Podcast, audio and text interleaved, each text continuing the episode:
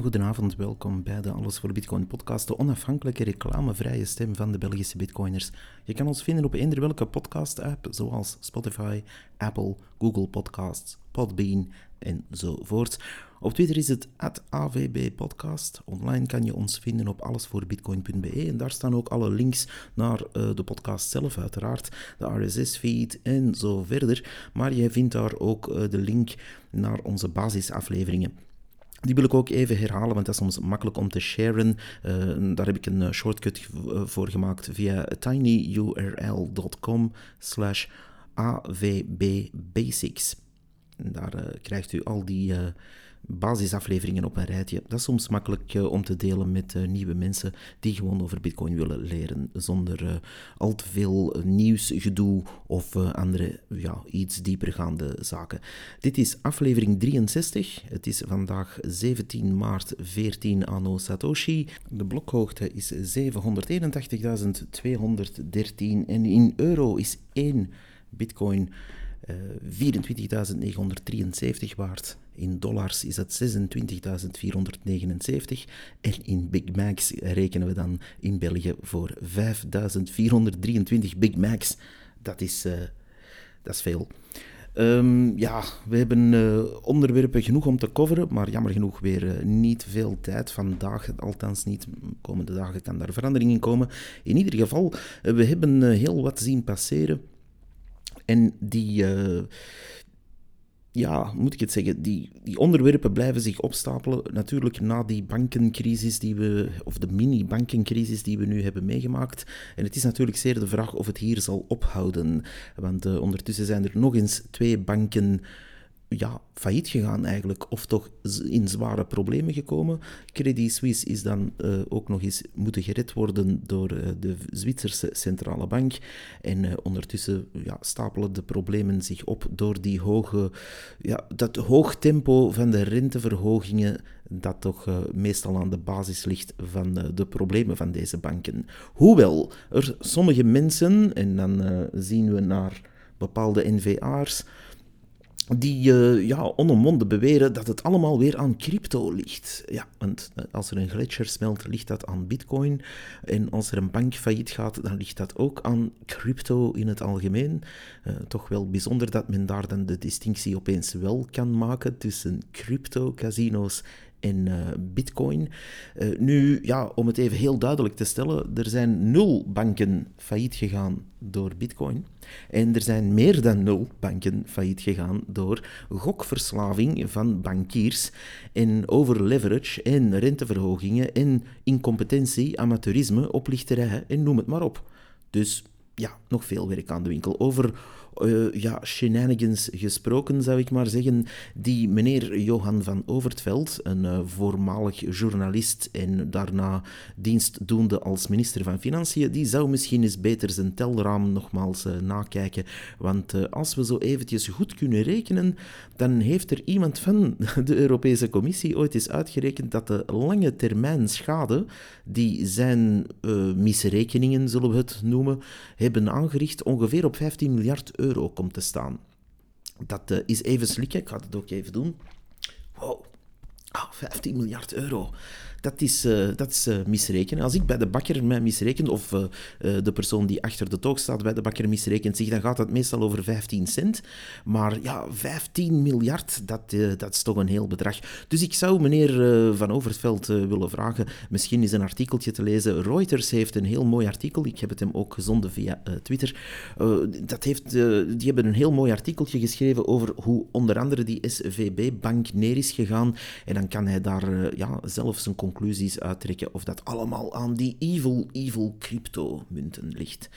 Um, dus die fallout van de banken is nog een beetje bezig.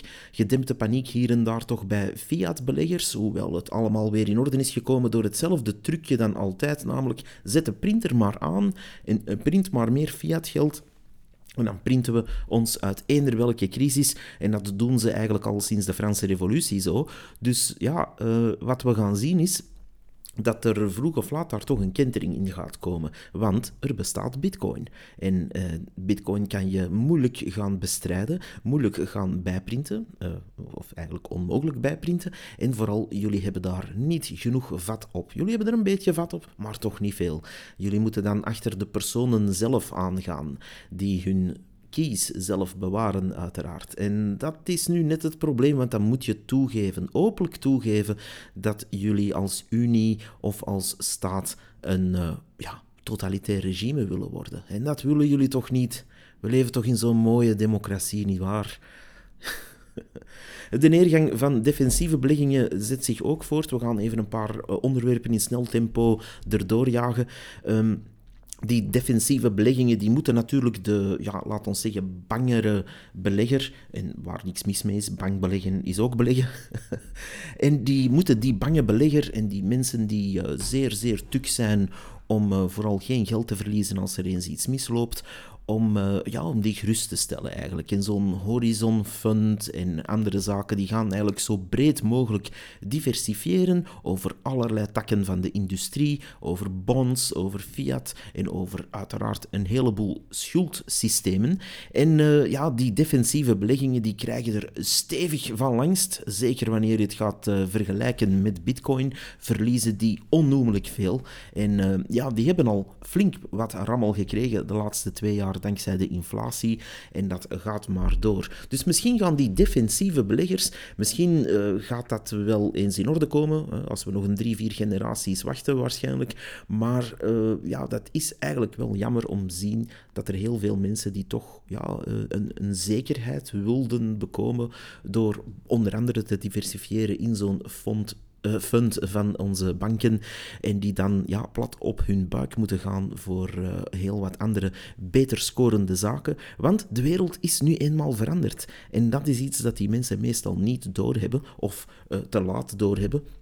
Onze wereld bestaat niet meer uit ja, hout ertsen en ja, hier en daar is wat distributie en de huizenmarkten. Nee, we zijn echt wel in een ander tijdperk beland. Het tijdperk waar alles drijft op emotie, op data, op data verhandelen, op technologie, op AI en waar we steeds verder afdrijven in een slechte richting door die oude garde die nog uit de jaren 60, 70 mentaliteit komt en die denken alles te kunnen oplossen met gewoon geld te blijven bijprinten.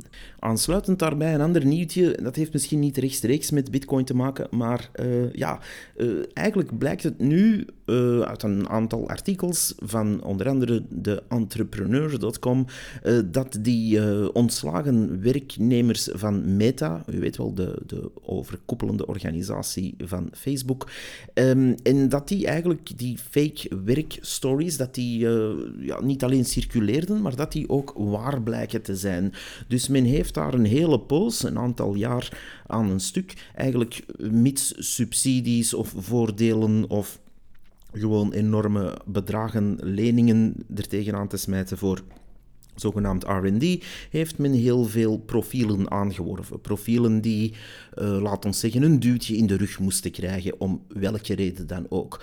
Um, er is dan het verhaal, en dat is dan het voorbeeld dat ze geven in zo'n artikel, dat er iemand van een Mexicaanse afkomst daar werd aangeworven en daar uiteraard heel blij was om een uh, mooie job te hebben bij uh, Facebook, zal ik maar zeggen. En die, ja, die gingen daar op hun bureautje zitten en die zaten daar maar. Die kregen eigenlijk niet echt een job toebedeeld men moest daar al zwaar gaan strijden intern om nog uh, nuttig werk te mogen doen. En ondertussen kreeg men natuurlijk het fiatloon mooi gestort. Tot natuurlijk uh, die rentestijgingen eraan kwamen en tot uh, ja, ook Facebook doorhad dat ze niet van die gratis geldkraan konden blijven genieten. En dan opeens waren al die ja, profielen die minderheden of uh, andere mensen die ze moesten aanwerven om uh, ja, hun, uh, hun portfolio van werknemers op te smukken, dan waren die ineens natuurlijk minder interessant en lagen die buiten in een grote bezuiniging. Nu, Facebook is daar niet alleen in. Er zijn vele grote bedrijven, vooral in de tech-industrie, die datzelfde trucje hebben toegepast. En dus eigenlijk uh, na zoveel jaren moeten toegeven dat ze ja, consumer tokens via een omweg, dus fiat in dit geval dollars, aan mensen hebben gegeven gewoon om ja, er te zijn. Dat zijn eigenlijk uh, verdoken tactieken die recht uit de Sovjet-Unie komen, waar je eigenlijk een uh, bedrijf hebt of een organisatie van de staat hebt, daar zoveel mogelijk mensen waar je anders ja, geen blijf mee weet of niet meteen een job voor hebt. En ja, je geeft die mensen daar een job. En ja, al is dat om de deur open te houden of de kapstok te bewaken. Uh, het maakt niet uit. Uh, ze krijgen hun loon en dat loon kan dan in de economie terug geïnjecteerd worden, want die mensen gaan natuurlijk ook ja, eten kopen, schoenen kopen en zo verder. Dus dat trucje, ja, dat heeft men daar een beetje zitten toepassen, jaren aan een stuk eigenlijk. En dan vraag je je eigenlijk af, wat is onze fiat-wereld? je kan daarover filosoferen tot je natuurlijk een ons weegt, maar die... Um, die, ja, die fiat-fake begint overal wel een beetje door te schemeren. Meer en meer mensen hebben door dat er heel wat fake tussen zit en dat daar eh, fake jobs niet alleen zijn, maar ook een, een soort van ja, gigantische setup waarbij het er vooral om draait om uh, mensen aan het werk te houden. Hetzelfde zien we natuurlijk in mindere mate qua aantal uh, volk.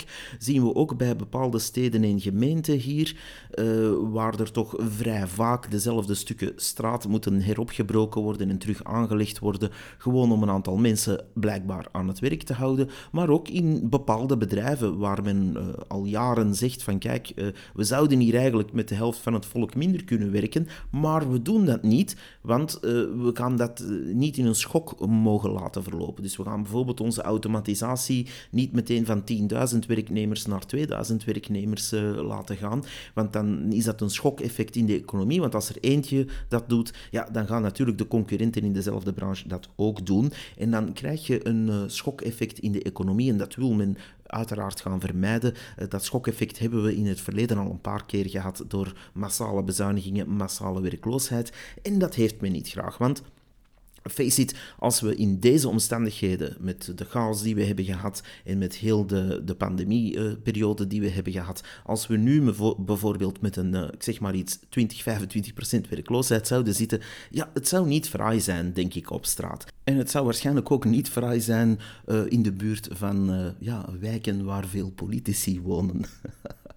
Um, gewoon omdat het wanbestuur zo ja, de spuigaten uitloopt uh, vandaag. En zo zien we de laatste weken niet anders dan uh, dat soort artikels verschijnen. kwam er ook weer uit dat een of andere loesje firma een website heeft gebouwd voor ons parlement, dacht ik, of de Kamer, weet ik veel. in ieder geval een politieke instelling. En dat moest zogezegd 700.000 euro kosten. Ja, dan heb je toch al wel een stevig websiteje, denk ik. Zeker als het dan gaat om wat PDF te kunnen, PDF's te kunnen downloaden van dat ding voor een uh, publieke zitting te mogen raadplegen. Het is vaak bizar om te zien hoe de, ja, laat ons maar zeggen, onkunde die soms grenst aan corruptie of dat gewoon kan genoemd worden, um, zo ver blijft gaan al zoveel jaren en jaren en jaren. En dat er dan ja, uitgerekend dat soort politici in datzelfde parlement zitten te fulmineren tegen onder andere uh, bitcoin. Ja, dat is een wiskundige formule eigenlijk, dat is een code. En dat, dat is eigenlijk iets dat losstaat van politiek, dat ook niet corrupt kan zijn of wat dan ook. Dus als jullie een, een 14 jaar oude code willen aanvallen en verbieden zelfs. Hier en daar zijn er mensen die dat dan willen verbieden, die nog altijd niet doorhebben uh, wat dat echt is. Dat, um, ja, dat getuigt toch van een verregaande arrogantie, een onkunde, onwetendheid, maar ook, ja, wat is jullie wereld nog als jullie door uh, eigenlijk een paar lijnen code kunnen weggeveegd worden, dat jullie hele monetaire um, setup gewoon waardeloos wordt waar we bij staan, ja, dat is toch wel schrijnend eigenlijk voor jullie. En daarom roep ik onze politiekers ook op om dat te omarmen. Omarm Bitcoin in plaats van te proberen strijden tegen het onvermijdelijke. We gaan naar het volgende onderwerp voor ik verder preek. Eh, de gratis informatie die we krijgen overal, dat wordt belangrijker en belangrijker. En dan heb ik het over uh, Bitcoin in, uh, in het bijzonder. Um, in die zin, ik zie hier en daar heel veel gedoe ontstaan en mensen die mogen komen spreken hier en daar. En dat is hen gegund, uiteraard. Iedereen wil zijn, zijn zeg kunnen doen. Maar wat merk ik dan? Dat er toch heel veel cursussen worden gegeven soms aan schandalige prijzen. Ehm, en dat er eh, hier en daar, ja, laat ons maar zeggen, de altcoiners, hè, die, de mensen die alternatieven voorzien voor Bitcoin, die verder denken dan Bitcoin, zeggen ze dan zelf. En die uh, gaan zich natuurlijk heel graag in de kijker lopen. Uh, of het nu is door nep-auteur te spelen of een boekvoorstelling te doen van iets waar eigenlijk ja, maar in staat dat je shitcoins moet kopen. Dus uh, die mensen die lopen zichzelf graag in de kijker, niet alleen om uh, binnen de 10 minuten over hun tokens en over hun alternatieve exchanges te beginnen, waar ze natuurlijk ook een referral link voor hebben. Um, dus eens men die mensen daarmee naartoe lokt, en dan heb ik het in, ja, in principe over uh, een prominente shitcoiner, Um, ik, ik, moet zijn naam zelfs niet noemen. Het, is me zelfs niet waard om die man uh, te vernoemen. Maar die, uh, die mag dan, of die arrangeert, zal ik het maar zeggen in het Antwerps, dat hij kan komen spreken voor een hele aula van studenten ergens uh, in Gent, dacht ik. En dat is wel zeer jammer om dan de potentiële slachtoffers daar in de zaal te zien zitten, terwijl er daar van voor iemand staat die ja, zijn verhaaltje komt doen en natuurlijk hoopt dat mensen naar die ecosystemen gaan. En uh, uiteraard vertellen die altijd eerst over Bitcoin. Dat is uh, zeer tof. Die uitleg zal ook wel prima zijn. Ik veronderstel dat zulke mensen heel goed weten hoe Bitcoin in elkaar zit. En natuurlijk ook heel goed weten dat ze dan een paar prikjes kunnen geven die de mainstream media ook hebben vergroot. we kennen dat ondertussen. Het is allemaal voor criminelen. Bitcoin doet de gletsjers smelten. dat soort gedoe. En dan komen ze natuurlijk met hun En dat is altijd hetzelfde proof of stake in een casino. En dan zit je in een ecosysteem waar je bijvoorbeeld zo'n mensen gaat lokken naar bijvoorbeeld Cardano, Solana, Kedana en wat dan ook voor rommel. En al die trash die kan je dan kopen als nietsvermoedende of beginnende belegger of student. En dan uh, moet je steeds via bruggen passeren. Want moest je dan toch al uh, winst hebben gemaakt op papier uh, in zo'n dingen, want dat durft wel eens te gebeuren het is zeer risicovol, maar goed, uh, dan ga je natuurlijk ook moeten gaan proberen die winst te verzilveren. En dan moet je, want eens je shitcoiner bent of eens je in dat soort altcoins stapt, dan is het doel niet om meer bitcoin te krijgen, dan zijn die mensen eigenlijk uh, aan het proberen meer euro's te pakken te krijgen. En dan ben je natuurlijk aan het beleggen, aan het speculeren. En dan moet je altijd via bruggetjes passeren die er eigenlijk op neerkomen dat je uh, een zeer, zeer risicovolle tokenisatie van Bitcoin moet gaan proberen te bereiken via een andere chain. Voor de mensen die dat Chinees is, er is eigenlijk niet heel kort aan bijvoorbeeld Bitcoin in een aparte firma gestoken. En die gaan op een bepaalde chain, bijvoorbeeld Ethereum, maar evengoed uh, op het uh, Cardano-netwerk of Chainlink of wat dan ook. En die gaan daar eigenlijk zeggen van kijk, wij gaan Bitcoin tokeniseren. We gaan voor elke Bitcoin die we in kluis hebben, zo gezegd in kluis hebben, want je weet dat niet altijd. Maar goed, laat ons ervan uitgaan dat die dan eerlijk zijn en dat effectief hebben. Dan gaan die voor elke bitcoin daar een uh, fake bitcoin op hun token-netwerkje uh, gaan plaatsen. En dan zeg je bijvoorbeeld, ah, ik heb één uh, Chainlink-achtige uh, of Huobi-achtige bitcoin en die staat tegenover de holdings die ze daar hebben. Dat is zeer risicovol, want zo'n projecten die drijven meestal, niet altijd, meestal op admin keys of op verregaand vertrouwen in letterlijk een handjevol uh, developers. En dat durft wel eens, wel eens fout lopen. En met wel eens bedoel ik, er zijn over de 200 cases al bekend van dat soort tokenisatie of DeFi of exchanges of wat dan ook, waar die bruggetjes eigenlijk worden leeggestolen. Uh, ik leg het hier heel simpel uit. De mensen die daar technisch meer in toe zijn, die gaan nu waarschijnlijk lachen dat ik het zo uitleg. Maar ik probeer het hier laagdrempelig uit te leggen, omdat die mensen die die studenten en beginnende beleggers daarin lokken, ook zeer laagdrempelig werken. En die werken om die mensen daar natuurlijk in te lokken, want eens je daarin zit, eens je zo'n token koopt, eens je in dat ecosysteem zit, heb je heel, heel weinig kans om daaruit te geraken. Om niet te zeggen zo goed als nul kans om daaruit te geraken. Want je hangt steeds af van die bruggetjes die zij onder controle hebben. En of je nu langs Exchange 1, 2 of 3 gaat, die bruggetjes zijn door dezelfde liquidity providers, de mensen die daar dus aan de beide kanten van dat um, trading pair, van dat uh, um, marktpaar, zal ik maar zeggen, gaan handelen, dat zit allemaal bij dezelfde mensen. Met andere woorden, wanneer u USDC en, laat ons zeggen, Ethereum, om het simpel te houden, wilt gaan swappen, dan moet u eigenlijk ja, min of meer via diezelfde kanalen passeren, via diezelfde bruggetjes. Hetzelfde wanneer u naar fiat wil gaan. Dus als u naar uh, bitcoin wil gaan, de echte waarde, dan moet u door een heleboel hoepels springen en dat is een beetje specialistenwerk. En daar komen hun cursussen natuurlijk in te pas. Dus men gaat u eerst een probleem aanpraten, namelijk het... Uh, investeren in heel dat ecosysteem van de altcoins en de ja, coins. En men gaat u daarin leren traden en dat doen die ook redelijk goed. Hè. Men legt dat met plezier uit. En dan gaat men u eigenlijk aanleren om leverage te gaan, om te shorten en zo verder. En om daar risico's te beginnen nemen. En soms loopt dat goed, soms pikken mensen er heel toevallig een goede coin uit die eventjes een paar dagen pumpt, omhoog gaat qua prijs. En dan willen ze dat verzilveren en dan beginnen de problemen natuurlijk. Dan gaat men niet echt weten waar naartoe. En dan moet men weer naar diezelfde cursusgevende mensen gaan, uh, die zichzelf in de kijker lopen op allerlei kanalen, zoals Instagram, Facebook, uh, TikTok, maar ook gewoon ja, in allerlei artikeltjes mogen opdraven van onze mainstream kranten. En die paar personen, dat zijn er eigenlijk maar een stuk of vijf à tien, die lopen zich zeer graag in de kijker, omdat die natuurlijk supergraag die cursussen, die boekjes en die rommel verkopen om u in dat ecosysteem te lokken. En eens je daarin zit, ga je er dus uh, ja, zeer moeilijk uit geraken. En als je er dan uit geraakt, dan heb je eigenlijk de keuze steeds tussen ga ik naar fiat, dus euro's in ons geval, of ga je naar bitcoin.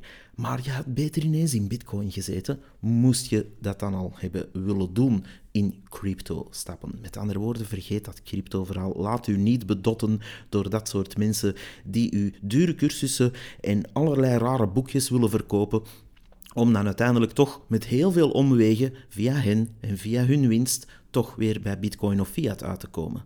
Ik durf zelfs hier beweren, moest u niet echt uh, veel kennen van traden en moest u daarover willen leren, ga dan vooral eens eerst leren over de echte uh, traditionele aandelenmarkt. En als u daarmee vertrouwd bent en daarmee echt kan omgaan en de terminologie kent en misschien hier en daar eens iets hebt geprobeerd, dan kan u misschien een stap verder zetten en ook uh, in bitcoin beleggen op langere termijn. En dat is zeer makkelijk. U koopt bitcoin en u laat dat staan. Punt uit.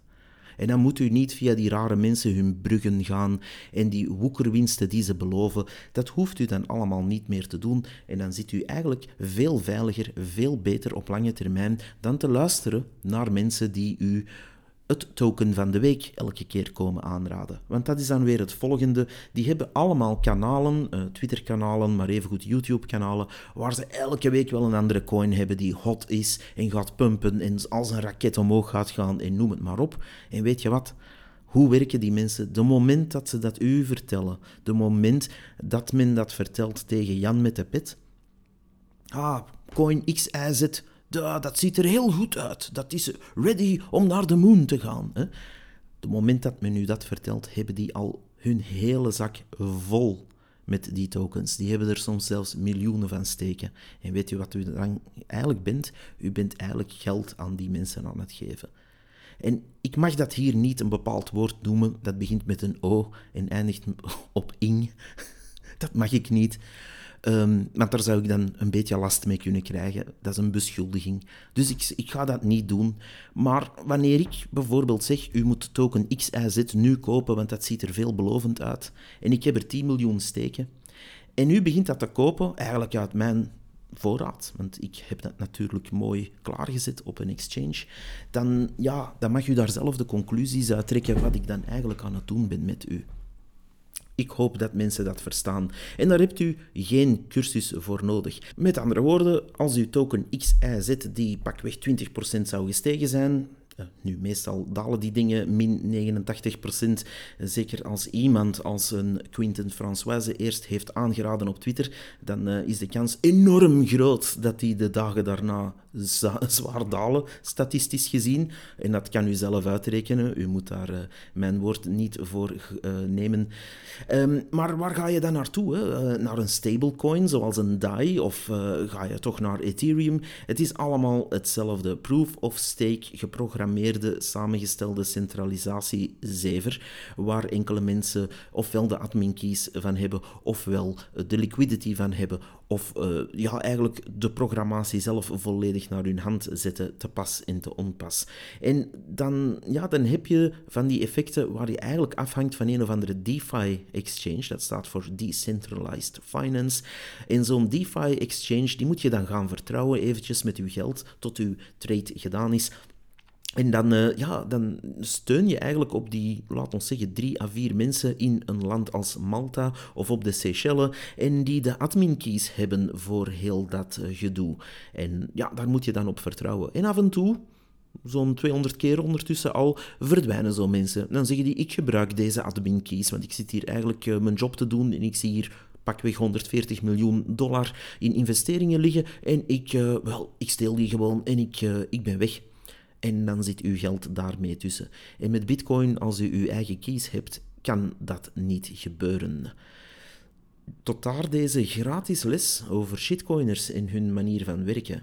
Um, wie het schoentje past, trekken het aan, zou ik zeggen. Want ik heb al iets te veel mensen zien zeer veel centen kwijt geraken door uh, malafide figuren die zich voordoen, eerst als bitcoiner, om daarna volop uh, tokens te gaan zitten verkopen, verpatsen. En uh, ja, dat mag misschien wel eens openlijk vernoemd worden. Genoeg daarover. het is ook degoutant om te zien dat bepaalde prominente um, tokenmarktkramers, zal ik ze dan maar noemen, zich dan dus effectief mogen gaan ja, voor een zaal van studenten zetten. Ik zou universiteiten toch oproepen om, moest je zulke figuren uitnodigen of laten spreken, zet daar dan alsjeblieft ook iemand bij die daar een beetje weerwerk kan bieden, of op zijn minst um, laat het deel uitmaken van iets, iets meer dan die mensen gewoon een open micro te geven.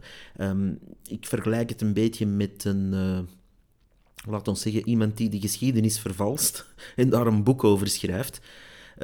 Ik zeg maar iets, als ik morgen een boek schrijf dat de Franse revolutie nooit heeft plaatsgevonden en ik kom dat vertellen voor een zaal vol studenten die van niks weten, uh, ja, is dat dan tof? Ik denk dat niet. Eh, dan uh, mag het ook wel volstaan om daar iemand bij te zetten die van de geschiedenis wel iets kent. Dus ik zou zeggen, ja, let daar een beetje mee op, want je bent eigenlijk jonge mensen die aan het begin van hun carrière staan, vaak ook niet zoveel centen hebben om te besteden en die toch wel graag ja, zouden leren beleggen. je bent die eigenlijk een heleboel informatie aan het geven die, laat ons zeggen, ongefilterd bij hen binnenkomt. En hopelijk hebben ze dan ook het verstand om andere info op te zoeken maar deontologisch gezien en ideologisch gezien heb ik daar als bitcoiner een zwaar probleem mee om uh, ja, studenten eigenlijk los te laten op dit soort uh, ja, figuren, zal ik het maar noemen. Laat ons het ook even hebben, nu ik toch even uh, ja, unscripted bezig ben. Laat het ons ook even hebben over de Belgian Bitcoin Embassy. Ehm, ik ben onafhankelijk. Ik zeg wat ik wil. Ik hoor niet bij een lobbygroep. Ik heb geen bedrijf of wat dan ook. Ik kan zeggen wat ik wil. Um, het moet me echt van het hart dat deze organisatie. Ten eerste ga ik iets uh, positiefs zeggen. En dat is dat deze organisatie natuurlijk een, uh, een reeks meetups heeft georganiseerd, vooral in het Antwerpse. En dat die organisatie toch echt wel uh, moeite deed om ja, mensen bij elkaar te krijgen. Eh, ik ben daar ook een aantal keer naartoe geweest, een heel aantal keer zelfs. En ik kan ook eh, zeggen dat dat allemaal mensen zijn die ik uh, ja, graag heb, graag mee praat en graag mee ga eten. En ook al twee keer presentaties ben gaan geven. Dus dat doe je niet voor mensen die je niet kan uitstaan natuurlijk. Dus dat gezegd zijnde wil ik toch heel duidelijk even een schop geven in die richting. Want wanneer je... Um, en ik weet niet of dat bewust is of onbewust is, maar wanneer je de Belgian Bitcoin Embassy als naam draagt, dan verwacht ik als newbie dat ik daar terecht kan uh, met allerlei vragen. Dat je met andere woorden de ambassade, de vertegenwoordiger bent van Bitcoin in dit land. En dan uh, ja, moet ik eigenlijk vaststellen dat na, wat is het, bijna twee jaar, dat er daar eigenlijk weinig van in huis komt.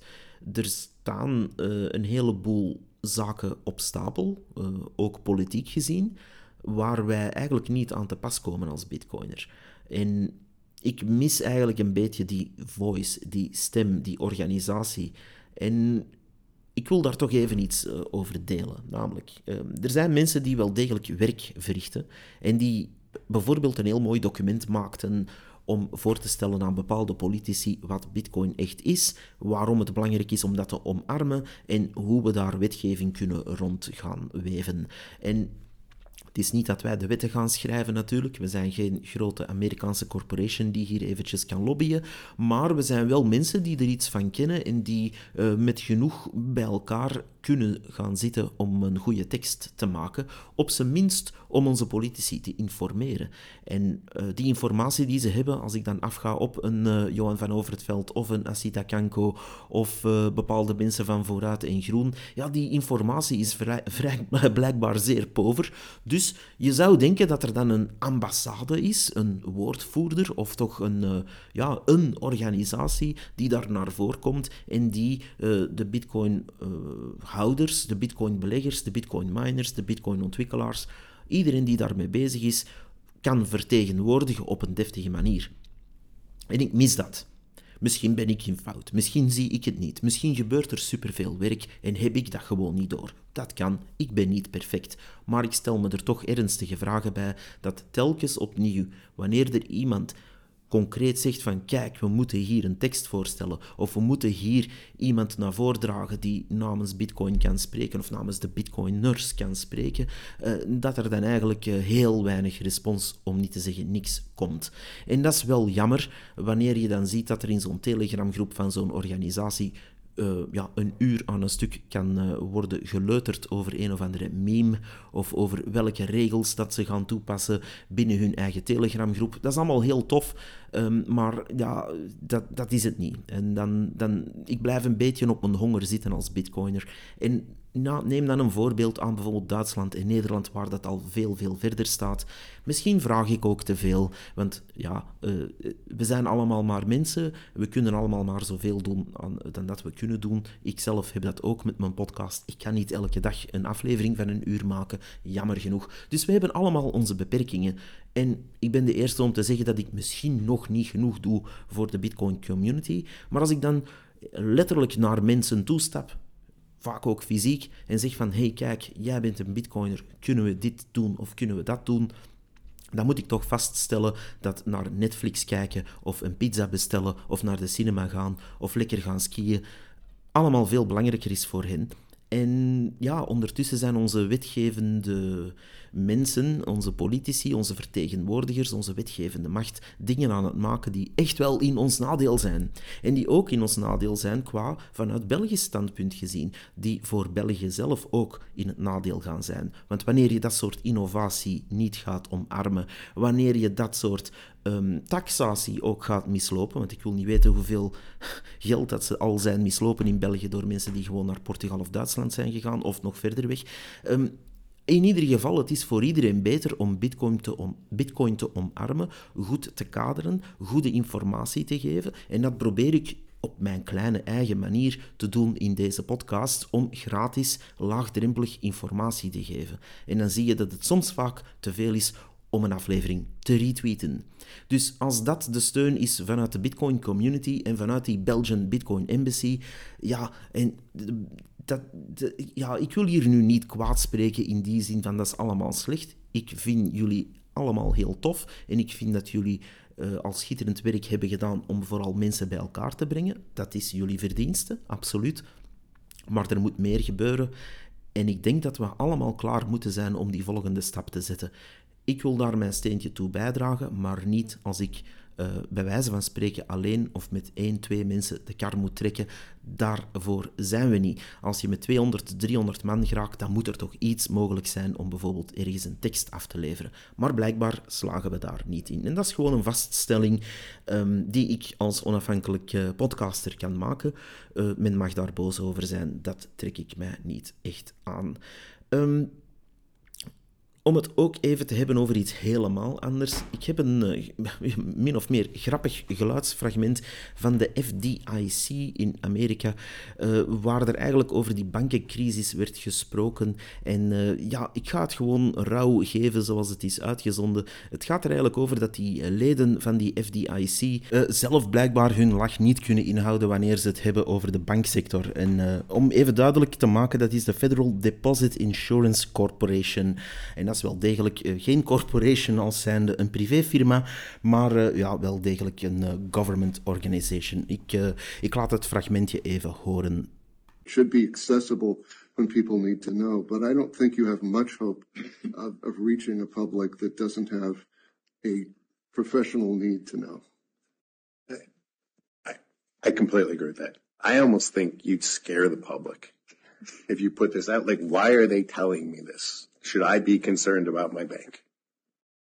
Like my insurance company doesn't tell me what they're doing with my assets. They just assume they're going to pay my claim.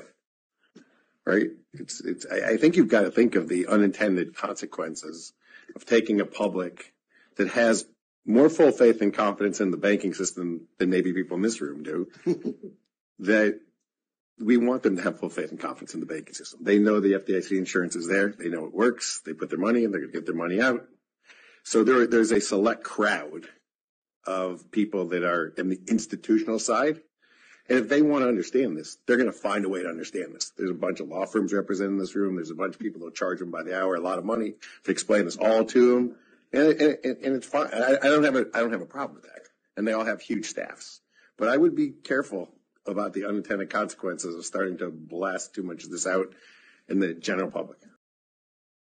Dus ja, dan weten we weer hoe ze daar denken. Dat is dan de insurance company of uh, corporation voor die banken. En die, uh, ja, die staan er zelf eigenlijk een beetje mee te gniffelen dat het uh, toch niet zo betrouwbaar is. Dus hey mensen, blijven die banken steunen, blijven het Horizon Fund kopen, blijven sparen vooral. blijven sparen voor uw centjes en allemaal lekker bij die bank zitten. Um, en ook bij de ECB, ja, er komt dan natuurlijk die CBDC aan, daar hebben we tot vervelens toe al over gehad. Maar dat komt er allemaal aan. En als er uh, geen activisme komt vanuit de Bitcoin-wereld, of zelfs vanuit de bredere crypto-wereld, want uiteindelijk zitten we, uh, hoewel we veel ruzie hebben tussen uh, crypto-mensen en Bitcoin-mensen, zitten we eigenlijk op dat gebied wel een beetje in hetzelfde schuitje. Um, maar er komt ook heel weinig reactie van. Maar misschien ja, zijn ze nu allemaal aan het skiën of liggen ze lekker ergens in de zon en dan hoeft het allemaal niet zo om dat te verdedigen natuurlijk. Activisme, ja, dat gaat altijd neer uit luiheid op den duur. Dus laat die luiheid u niet verrassen. Uh, Bitcoin bestaat voor mij vooral uit proof of work en dat is niet alleen het protocol, maar dat is ook voor jezelf. En als je er gewoon bij zit en wacht tot de prijs pumpt, wel, dan heb je deze week chance, want de prijs pumpt en je hebt er niks voor moeten doen. Bravo, maar uh, ja, um, als er vroeg of laat mensen komen met uniformpjes aan om te vragen waar uw private keys zijn, ja, wees dan niet verbaasd. Dat was hem voor vandaag. Tot de volgende keer. Bye.